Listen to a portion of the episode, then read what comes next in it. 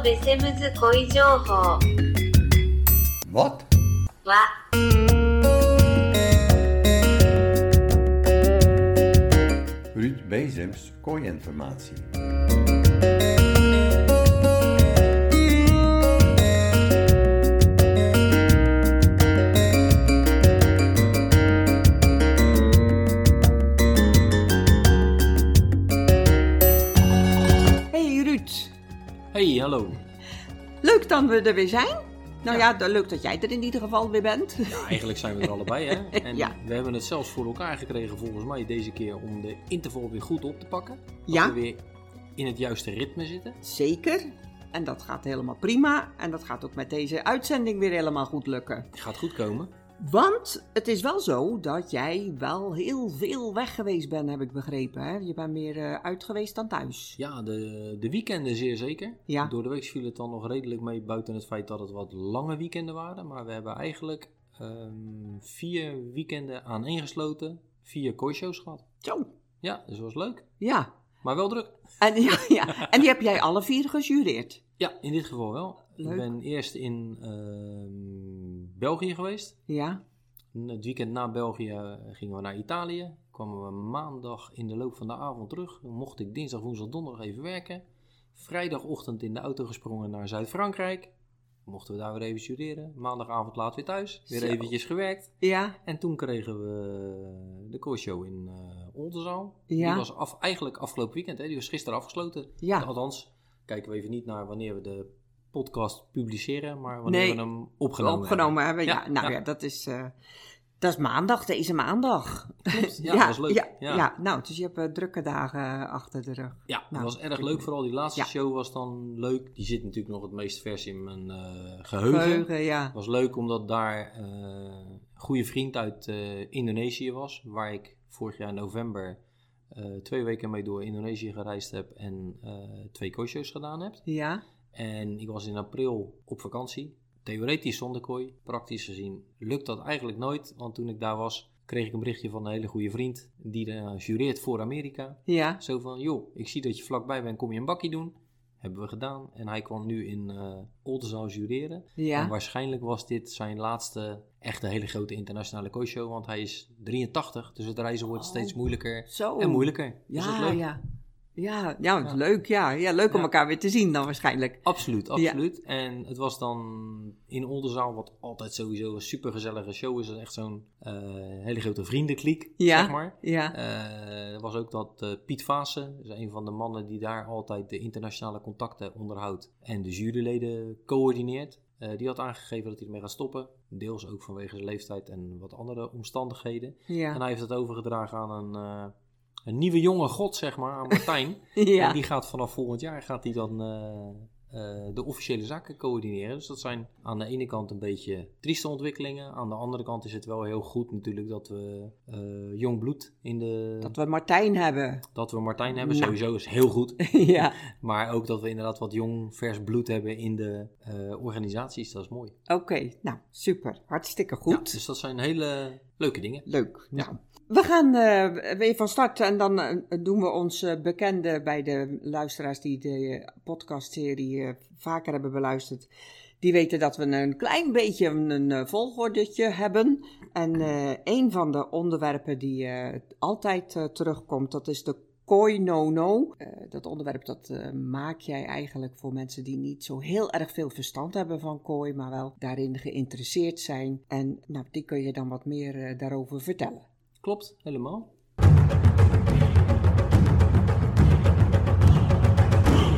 Koi no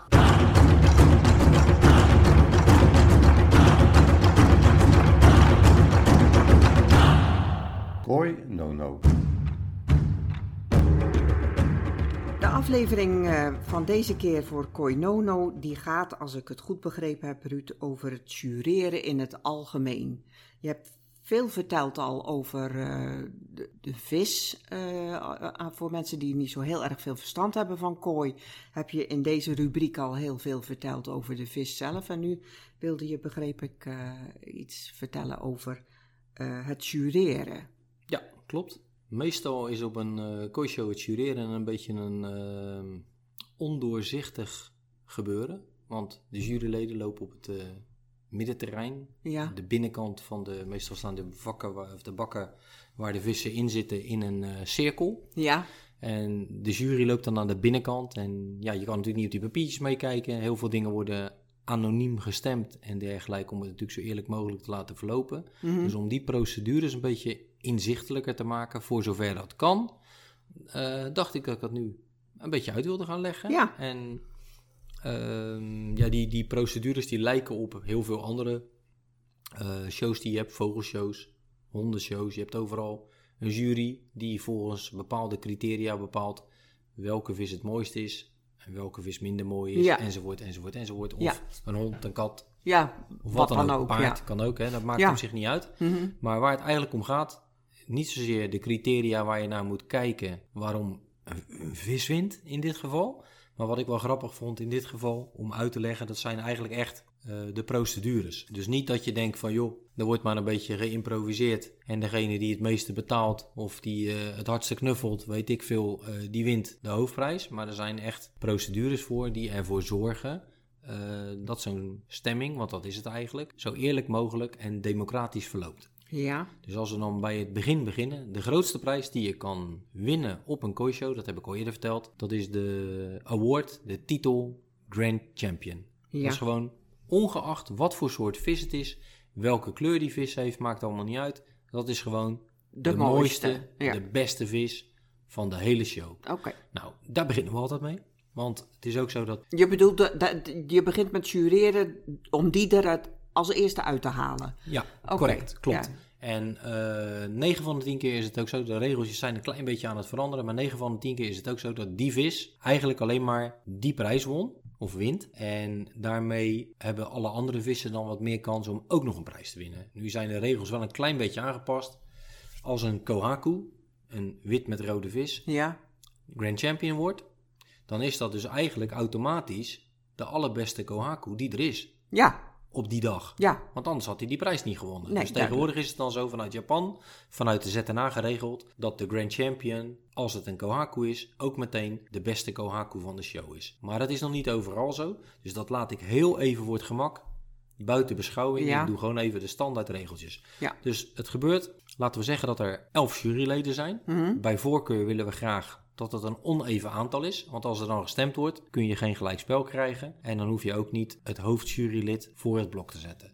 Stel dat je 12 juryleden hebt en er wordt Ja, gestemd precies. Ja. en het is 6-6. Ja. Dan zou eigenlijk het hoofdjurylid moeten zeggen, dan vind ik dat die het moet worden. Ja. Ja. Dus dat ja. wil je niet. Dus bij voorkeur wil je een oneven aantal stemmen hebben. Slim. Ja, nou dan krijgen de juryleden die krijgen een, eh, een lijstje met vissen die boven een bepaalde maat zitten. Want bij heel veel shows is het zo dat de Grand Champion moet bijvoorbeeld groter zijn dan, laten we zeggen, 70 centimeter. Dus dan hoef je eigenlijk alleen maar de vissen te bekijken die groter zijn dan 70 centimeter. Ik hou dat meestal niet eens in mijn achterhoofd. Ik kijk gewoon naar ik het allermooiste vind. En als dat er toevallig een van 68 centimeter zou zijn, dan ga ik gewoon proberen om die andere juryleden te overtuigen van het feit dat dat de mooiste vis is. En dan zien we wel hoe ver we komen. Dus je loopt naar... Dat, is, dat is dus kennelijk dan niet heel erg strak. Eigenlijk wel, Oh.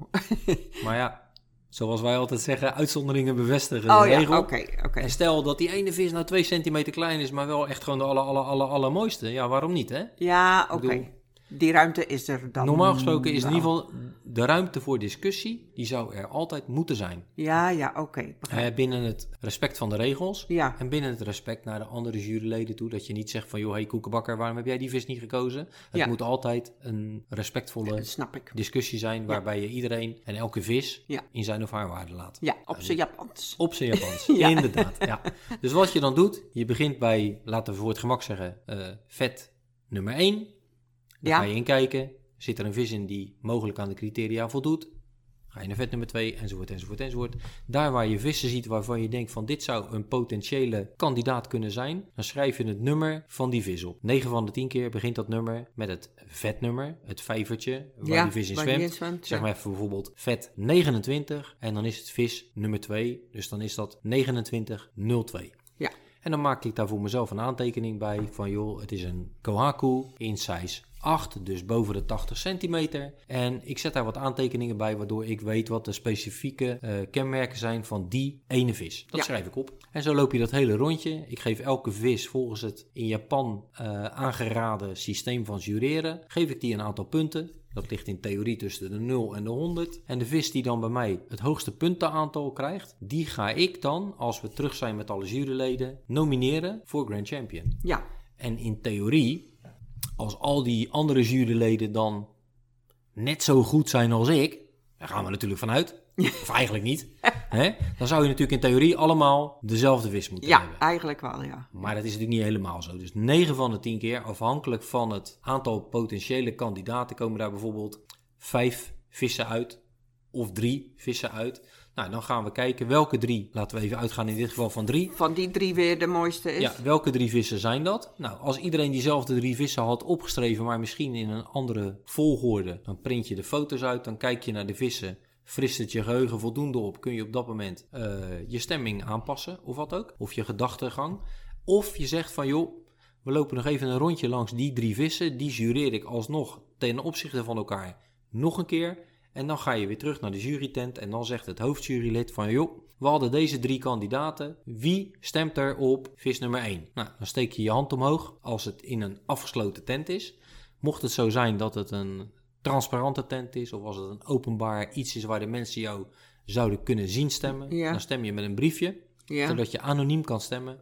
Briefjes gaan in een potje. Briefjes worden geteld. Heeft er dan van de drie kandidaten één vis een overduidelijke meerderheid, dan is dat de Grand Champion. Het komt ook nog wel eens voor dat er een extra stemronde nodig is, omdat het bijvoorbeeld geen meerderheid van stem is, maar dat de mensen verdeeld zijn. Dan valt er één vis af, blijven er twee over en dan kies je uit die twee de beste en uiteindelijk heb je de Heb Grand je Champion gekozen. Hoe lang, hoe lang zijn we dan heen in de tijd? Vanaf het moment dat je, eh, dat je de eerste vis ziet totdat er gestemd is? Ik denk dat normaal Gemiddeld, gesproken, ja. gemiddeld in Nederland, is dat misschien maximaal een half uurtje. Oh, Drie zo kwartier. snel. Ja, Oké, ja. ja, ja, ja. Want je, moet- je moet ervan uitgaan, het is, zijn dan 70 eh vets. Dus dat is misschien, eh, als je in één keer door zou kunnen lopen, 5 minuten, 10 minuten lopen. Vissen bekijken, nummertjes opschrijven. Dus dat kan vrij snel gaan. Ja, ja, tenzij sorry, eh, ten, tenzij de jury heel erg verdeeld is. Ja, ja, dus dat, dat zou begrijp. kunnen. Ja, Eh, wat ik zelf altijd heel erg leuk vind, wat we in Europa nooit zien. eh, in Azië doen ze dat wel. Daar hebben ze hele grote beeldschermen. En dan zetten ze een, eh, een flip over neer, zo'n bord, weet je wel. ja, En dan wordt er een briefje opengevouwen en dan wordt er omgeroepen met een microfoon dat iedereen dat kan horen. Vis 3902 heeft één stem en dan wordt er een streepje neergezet. En de eigenaar van die vis, die is dan natuurlijk super blij en de dealer waarschijnlijk ook die hem verkocht Oh, heeft. En die mensen worden... dat is meer openbaar. Ja, dan Ja, kun je dus niet zien welk jurylid er gestemd heeft. Maar je kan wel zien dat er op jouw vis gestemd Vis is. gestemd, ja. En op die manier zie je dan die telling en dan gaat het allemaal wat meer leven. En dan zien de mensen ook ja, dat het niet een of ander schimmig onderwaterspelletje Nee, is, maar dat het gewoon echt procedures gevolgd moeten worden en noem maar op en zo. En dan worden die mensen ook steeds fanatieker, hè? want je hebt dan in het begin bij wijze van spreken vijf vissen. Mhm. Dus dan staan er vijf eigenaren en vijf handelaren te juichen en te doen. En geleidelijk aan blijven er drie over. En er zijn ook fans bij van die vissen, want er zijn mensen die vinden die ene vis toch eigenlijk wel mooier dan die andere. Ja. En dan gaat het bij het publiek ook een beetje meer eh, die procedure leven. Ja, dan krijg je een precies. beetje een beetje interactie heb Ja. je dan. Ja, dan ja. krijg je echt een beetje een competitie-element. En dat maakt het natuurlijk veel leuker. En wat ik zei, wat ik belangrijk vind, inzichtelijker, dat de mensen begrijpen dat het niet zomaar één blik werpen is, Is- beslissing en, dan nemen, en voor de rest achterkamertjes eh, gebeuren. Nee, nee, nee. nee. Precies, hè? dus er zitten echt allerlei stapjes aan die daar aan vooraf gaan. Ja, Als we dan inderdaad bepaald hebben welke vis de Grand Champion geworden is, dat Mhm. was die ene vis met die overduidelijke meerderheid van stemmen, ja, dat is dan de Grand Champion. Dan hebben we altijd de tweede plaats, dat is de op één na mooiste vis van de show en die krijgt dan de titel Supreme Champion. Normaal gesproken is dat natuurlijk eigenlijk altijd die vis die als tweede ja, het afgelegd had ja. tegen de tegen eerste. Ja. Tenzij, heel soms kan het nog wel eens gebeuren dat je bij wijze van spreken, als je drie kandidaten hebt, dat je eerste vis voor mijn part zeven stemmen heeft gekregen. Ja. Dan blijven er vier over. En die andere vissen allebei twee. ja, Dan heb je gelijk spel. Dan weet je nog niet direct wie de Supreme Champion is. Dus dan ga je nog een keer een rondje lopen. Ga je die twee vissen tegen elkaar afwegen. En naar de pluspunten kijken. Naar de minpunten kijken. En dan maak je daar weer een keuze uit. En dan kies je de Supreme Champion. ja, Ja, ja, ja, ja. Oké. Als, eh, als we dat dan gedaan hebben, dan gaan we echt alle individuele maten jureren, alle individuele variëteiten jureren. En in theorie gaat dat op dezelfde manier. Dan krijg je een lijstje met alle vissen die tussen de 10 en de 20 centimeter zitten, die dan in de variëteit Kohaku vallen. En die ga je dan jureren. En zo lopen we de hele lijst af. Oké. Eén nog één hele korte vraag. Je ziet waarschijnlijk ook wel steeds dezelfde vis bij andere wedstrijden. Of is dat niet zo? Ja, dat klopt. Want er, er zijn natuurlijk mensen die met die vissen eh, deelnemen aan, aan wedstrijden. En dan zie je elkaar in, eh, in Groningen en, eh, en in Limburg of zoiets. Dat Ja, kan dan. Dat klopt. Ja, en heel toevallig was dat in dit geval eh, ook weer zo. Ja. Dat is overduidelijk, want we hebben in de vorige podcast gesproken over de, vi- eh, de vis van eh, Els en Philip Poppen. Ja, ja. Die had daar Grand Champion gewonnen. En diezelfde vis, die heeft nu weer Grand Champion gewonnen. Oh, Dus dat en- betekent- En, waar, waar was dat, waar die dat nu heeft gedaan? Eh, nu in Oldenzaal. oh, nu in Oldenzaal. ja. Oh ja, oh, wat leuk. En eh, ik heb wel zowel met Els en Philip gesproken. Ja. En ook met degene die de tweede plaats zat. En degene die daar dan nog weer heel kort achter zat. Ja, En ja, de vis van Els en eh Philip is echt een super mooie vis. Maar hij is ondertussen wel uit mijn hoofd 11 of 12 jaar oud. ja, was oud hè, zei ja, klopt. Hij is echt super mooi. Ja. Perfecte conditie, want anders had hij ook niet kunnen winnen. Nee, zeker. Maar Ja. ik denk wel dat de concurrentie serieus dichterbij aan het komen is. En dat het volgend jaar een stuk moeilijker gaat zijn. Ja, precies. Dus dat ja, maakt ja. het voor ons ook leuker natuurlijk. Want ja, hoe meer tegenstand, hoe leuker het is voor het jureren. Ja. En ik denk ook voor de eigenaar, als je meer tegenstand hebt, ja, des te meer is je overwinning waard. Ja, zeker, zeker. Maar je ziet die vis dan zo zachtjes aan wel een, misschien een heel klein tikje veranderen. Ja, geleidelijk aan zie je wel aan, ja. dat de vis natuurlijk inderdaad ouder wordt. Hoewel Ja. ik vandaag op Facebook van, ik meen dat het Johan Leurs was. Dat is de uitgever van eh Kooibladen. Ja. Die maakt hele mooie foto's van vissen. Oh. En die had een, vis, eh, een foto opgezocht van eh, Miss Magnum, zoals die Kohaku genoemd Oh wordt. ja, ja, dat is waar, ja. Ik meen uit 2016. Mhm. En hij had een foto daarnaast gezet die hij gisteren gemaakt heeft. Ja. En dan kun je de ontwikkeling van de vis zien. En dan kun je zien dat het nog steeds een schitterende vis is. Maar je ziet natuurlijk wel geleidelijk Ietsjes aan anders worden. verandering.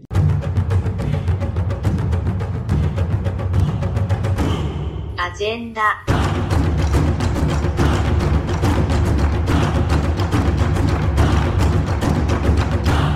De agenda. De agenda loopt een beetje leeg. De meeste Europese shows liggen achter ons. De eerstkomende shows zijn in Engeland, maar dat ligt in theorie bijna buiten Europa na de Brexit. In juni en juli zijn er diverse events bij kooihandelaren. En omdat we niemand tekort willen doen, verwijzen we jullie hiervoor naar kooi-gerelateerde Facebookgroepen of de website van je favoriete dealer.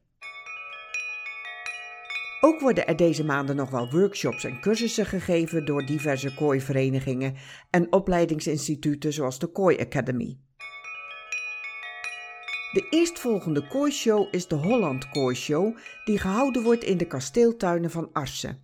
Deze show vindt plaats op 18, 19 en 20 augustus. Daar komen we in de volgende podcast nog uitgebreid op terug.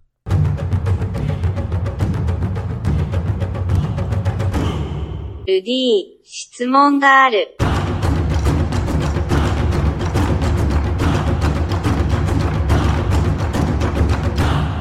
Ruud, ik heb een vraag. 恋の知識、 Kooi-kennis.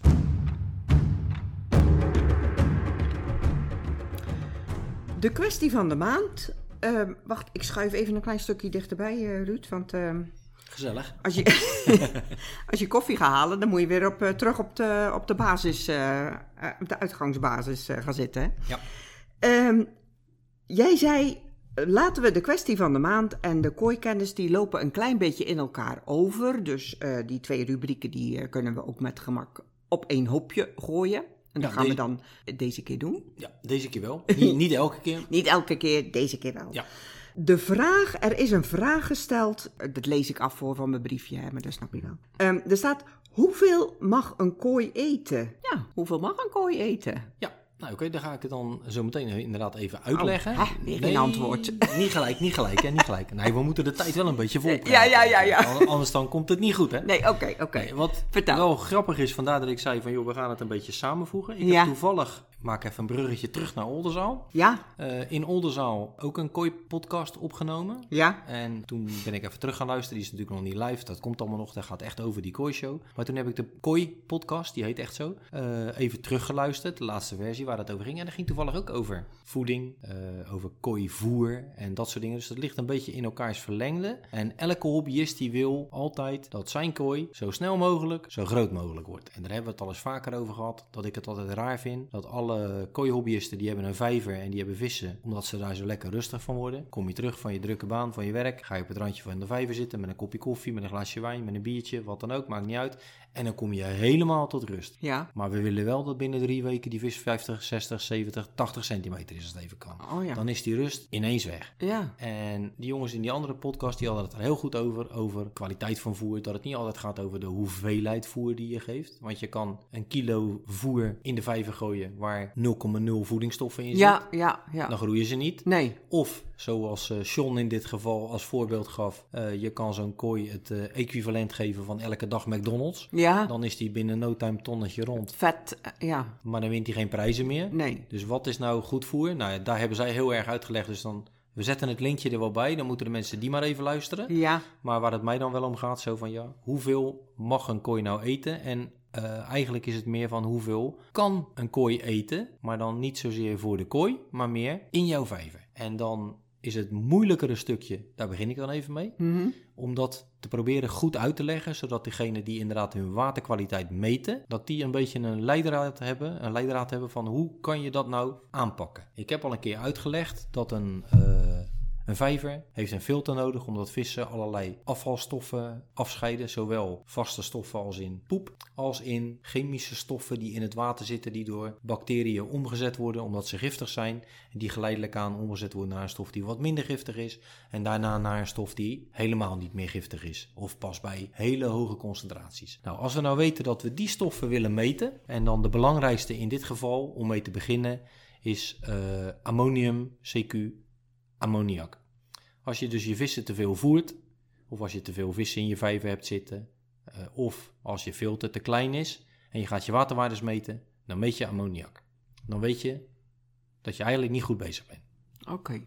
Zo werkt dat met voer ook. Als we ervan uitgaan dat het filter draait en je gaat je waterkwaliteit meten en je voert bijvoorbeeld, laten we zeggen, 100 gram voer per dag. En je waterkwaliteit is helemaal goed, dus je ammoniak, even voor het gemak, is nul. Nou, dan weet je dat je helemaal goed bezig bent, maar dan weet je nog niet of dat je aan het maximale eh, voergehalte zit, hè, hoeveelheid, van wat jouw vijver kan afbreken, hè, wat je filter kan verwerken. Dus wat je dan doet, je weegt je voer. Je gaat nooit handjes erin gooien, want dan weet je niet hoeveel je erin gooit. Je weegt het af. Je doet het voor mij part in een, eh, in een koffiemok. En dan zeg je van, ik weet dat hier 100 gram in zit. En dat gooi ik er per dag in, verdeeld over 3, 4, 5 Momenten. momenten.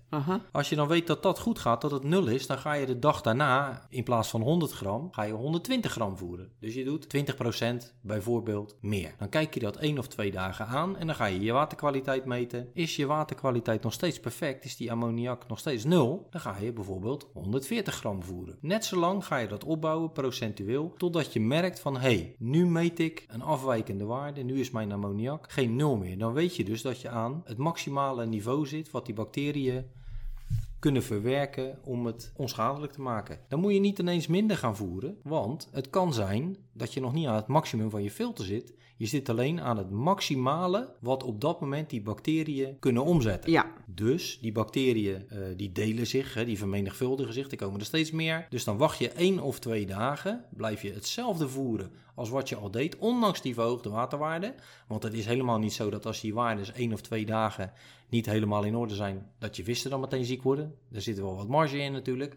Als dan eh, het maximale van je filter nog niet bereikt is, dan is na twee dagen, dan zie je dat die waarde weer naar beneden gaat. Want dan zijn er meer bacteriën gekomen, want die moesten harder werken. Die verwerken die afvalstoffen. Heb je meer bacteriën, wordt het weer nul. Kijk je dat weer een paar dagen aan, Ja. blijft het netjes nul, dan ga je weer meer voeren. En dan geleidelijk aan zie je weer dat die waarde omhoog gaat. Blijf je weer een paar dagen hetzelfde voeren, wordt die weer nul. Dat spelletje herhaal je een keer of wat. En bij wijze van spreken na zes weken gooi je er 300 gram voer in en dan kom je tot de ontdekking dat die waarde verhoogt, maar dat die niet meer nul wordt. Dan betekent dat dat je op dat moment eigenlijk te veel voert ten opzichte van de capaciteit van wat je filter kan afbreken. Dus dan ga je bijvoorbeeld 10 of 20 procent minder voeren en dan zouden die bacteriën het wel af kunnen breken. En zolang de temperaturen en jouw verversingsgedrag en dergelijke, je management van je vijver hetzelfde uh, blijven, heb je dan het maximale wat je uit je filter kan halen. Maar als ik nou nog even een domme vraag mag stellen, want daar ben ik voor ingehuurd. Hè? Ik, ben, ik ben een van de domme vragen. Je kijkt dus eigenlijk naar uh, de bacteriën, hoeveelheid in het water. Maar, en daar uh, balanceer je die hoeveelheden voer op af. Maar hoe weet je nou of krijgt jouw vis dan altijd wel voldoende voedingsstoffen binnen als je het op die manier meet? Hoe weet je nou of je vis dan ook voldoende uit die voeding haal of je hem meer of minder. Snap je wat ik bedoel? Ik snap wat je bedoelt, maar ik ga er even vanuit dat alle mensen die echt kooi hebben, dat die niet het voer geven van de, uh, de tuincentra, van die gekleurde stickies, maar dat die echt kooivoer geven. Ja. En daar zitten normaal gesproken voldoende voedingsstoffen in om die vissen goed te laten groeien. Oké, ook als je minder of meer ja, uh, doet. Ik denk dat er heel veel vissen eigenlijk te weinig voer krijgen. Oh. Omdat mensen vaak toch het een beetje eng vinden en dat ze dan denken van ja, maar het is al heel veel. Ja, ja. Of sommige mensen die voeren echt te veel. Ja. En dan, ja, dan gaat het voer eigenlijk min of meer door de vis heen, want een vis heeft geen maag om het te verteren, maar dat gebeurt door middel van die enzymen in het darmstelsel. Maar dan gaat het er bij wijze van spreken zo snel doorheen dat ze de kans niet krijgen om de voedingsstoffen eruit te krijgen. En dat is natuurlijk ook niet goed. Maar je moet dus da daarin dus die balans zien te vinden. En je had het eigenlijk de vraag heel goed verwoord, dus dat was zeker niet dom. Het enige wat niet klopte, is dat de bacteriën zitten eigenlijk niet in je water, maar de bacteriën die hechten zich aan het medium wat je in je filter hebt zitten. Oh, zo, en daar ja, komt ja. een laagje omheen te zitten. Ja. En als je dus meer voert, dan wordt dat laagje wat dikker, het oppervlak wordt groter. En op een bepaald moment, even heel simpel uitgelegd, omdat ik het ook niet te moeilijk wil maken. Nee, nee. Op een bepaald moment is dat filtermateriaal verzadigd. Dan is er Ja. geen plek meer voor nieuwe bacteriën. En dan zit je aan het maximale van je filter. Dan moet je of materiaal toevoegen, of ander materiaal met een groter oppervlak, of er een filter naast zetten, bij wijze van spreken. Maar 9 van de 10 keer is dat eigenlijk niet nodig. En als je deze methode aanhoudt, weet je zeker dat je in ieder geval meer dan voldoende kan voeren aan je vissen. Dus dat is eh, het antwoord op de vraag van de kwestie van de week. En dan de wat moeilijkere versie. Dus voor de hobbyisten die al wat verder in de hobby zitten, die eh, al dan niet digitale meetsetjes hebben of druppeltestjes hebben waarmee ze hun waterkwaliteit monitoren. Ben jij nou een beginnende hobbyist en heb je alleen maar vissen van eh, een tuincentrum of, of Ja. gewone standaard vissen. En daar bedoel ik niks verkeerds mee, maar gewoon, je hebt het gewoon voor de Die vind je gezelligheid. gewoon leuk, ja. ja. Ja, hè, en dan hoef je er allemaal niet zo heel erg druk over te maken. Dat soort mensen die meten vaak hun waterwaardes helemaal niet, want die hebben zoiets van, joh, ik ververs elke week een beetje Ja. en het gaat al tien jaar goed en het gaat nog steeds goed. Ja, ja. Ga je dan niet druk maken, ga het niet moeilijker maken dan het is. Dat hoeft helemaal niet. Volg dan gewoon de oude regel die wij toen ik begon met de hobby ook, hoe zei je dat, eh, huldigden, in stand hielden, weet Ja, ik. Ja, Hè? Je gooit een handje voer in de, in de vijver en als jouw vissen binnen vijf minuten al dat voer op hebben, dan was het goed. oké. Als je het erin gooit en er ligt na 10 minuten de helft van het voer er nog in, dan heb je er te veel Beetje in te gegooid. veel, ja. Is te veel. Dus gewoon, Ja. je moet het niet altijd moeilijker maken dan nodig is. Om dan dit stukje over het voeren af te sluiten, een paar dingetjes. Ik zei net, van als je het voer in je vijver gooit en het ligt eh, na 5 minuten nog steeds, dan heb je er te veel in gegooid. Of na 10 minuten, hè, dan heb je er te veel in gegooid. Maar er zijn ook mensen die gooien zinkend voer in de vijver. Dan kun je veel moeilijker zien of dat, dat er na 5 minuten natuurlijk nog ligt. Dus hè, dan moet je veel beter nog observeren en monitoren. Hou dan zeker goed in de gaten dat je niet te veel voert. En zorg ervoor dat er geen dode plekken qua stroming in je vijver zijn. Want stel dat daar dat voer zich op zou gaan hopen, dan gaat het daar misschien liggen schimmelen als de vissen het niet zien of vinden of wat dan ook. En dan krijg je weer allerlei andere problemen in je vijver. Ik ben zelf wel een voorstander ook van gedeeltelijk zinkend voer, omdat een karper gewend is eigenlijk vanuit de natuur om op de bodem te eten. Dus ik denk dat dat voor de vis op zich, voor zijn rust, voor zijn gemoedstoestand en dergelijke, en zijn lichaamsbouw, zijn bek gaat ook aan de onderkant min of meer open, dat dat beter is. Maar ja, we hebben die vissen gekocht omdat we ze mooi vinden, dus we willen ze ook graag boven in de vijver zien. Dus dat vooropgesteld. En dan als laatste, wat ik zelf ook heel erg leuk en interessant vind. Ik heb daar laatst ook nog, afgelopen weekend ook nog een heel gesprek over gevoerd met René. René Kruter. Die heeft een nieuw voer op de markt gezet. En die heeft als een van de eerste, zo niet de eerste, heeft hij gezegd van joh, laten we nou eens niet kijken naar hoe groot een vis is. Om te kijken, een klein vis een klein korreltje, een grote vis een groot korreltje. Ik ben zelf dan weer zo, ik vind dat alle vissen kleine korreltjes moeten krijgen, want dat verteert beter, wordt beter opgenomen. Voor mijn gevoel, Ik kan dat niet wetenschappelijk onderbouwen. René die zegt van joh, laten we nou naar de leeftijd van die vissen kijken. Want we gaan ervan uit. Een vis die een jaar is, die moet nog heel veel groeien. Dus die heeft hele andere vis, eh, sto- voedingsstoffen nodig dan een vis die al 80 centimeter is en 8 jaar oud is. En in de vissenwereld, in de karpenwereld, in de kooiwereld had je dat eigenlijk nog niet. Als je kijkt naar honden, naar katten, dan heb je puppyvoer, eh, weet ik veel, pubervoer, seniorenvoer en noem maar op. In de vissenwereld heb je dat nog niet. Ik ga niet zeggen dat het de beste oplossing is sinds... Uh, hoe noem je Gesneden wittebrood. Gesneden wittebrood of zo ja. inderdaad, ja. Maar ik vind het wel een hele mooie filosofie. En gevoelsmatig vind ik het heel erg aannemelijk klinken. Ja, duidelijk.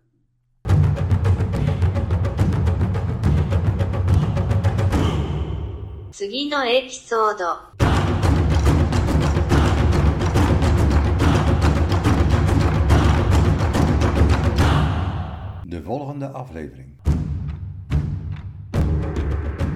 De volgende aflevering, eh, Ruud, daar heb jij vast heel erg over nagedacht. Waar gaan we het over hebben? Dan. We gaan het de volgende keer nog een klein stukje verder hebben over voeren. Ja, Want de volgende aflevering die gaat normaal gesproken begin juli de eter in. de lucht in, de ja. lucht in. en dan gaan we richting de vakantieperiode. Dan gaan we richting hele hete periodes. Ja. ik wil dan ook even uitleggen waar je op moet letten qua voeren als je op vakantie gaat. Oh ja, oké. En qua voeren als het heel erg warm weer is, bij Als het heel erg warm weer is, ook inderdaad ook niet alleen qua voeren, maar ook andere maatregelen die je zou moeten nemen. Dus laten we dan zeggen dat we dan een soort van een, eh, een zomerupdate doen. Ja, nou hartstikke leuk. Ik kijk er nu al naar uit. Oké. Dankjewel, tot de volgende keer. Tot de volgende keer.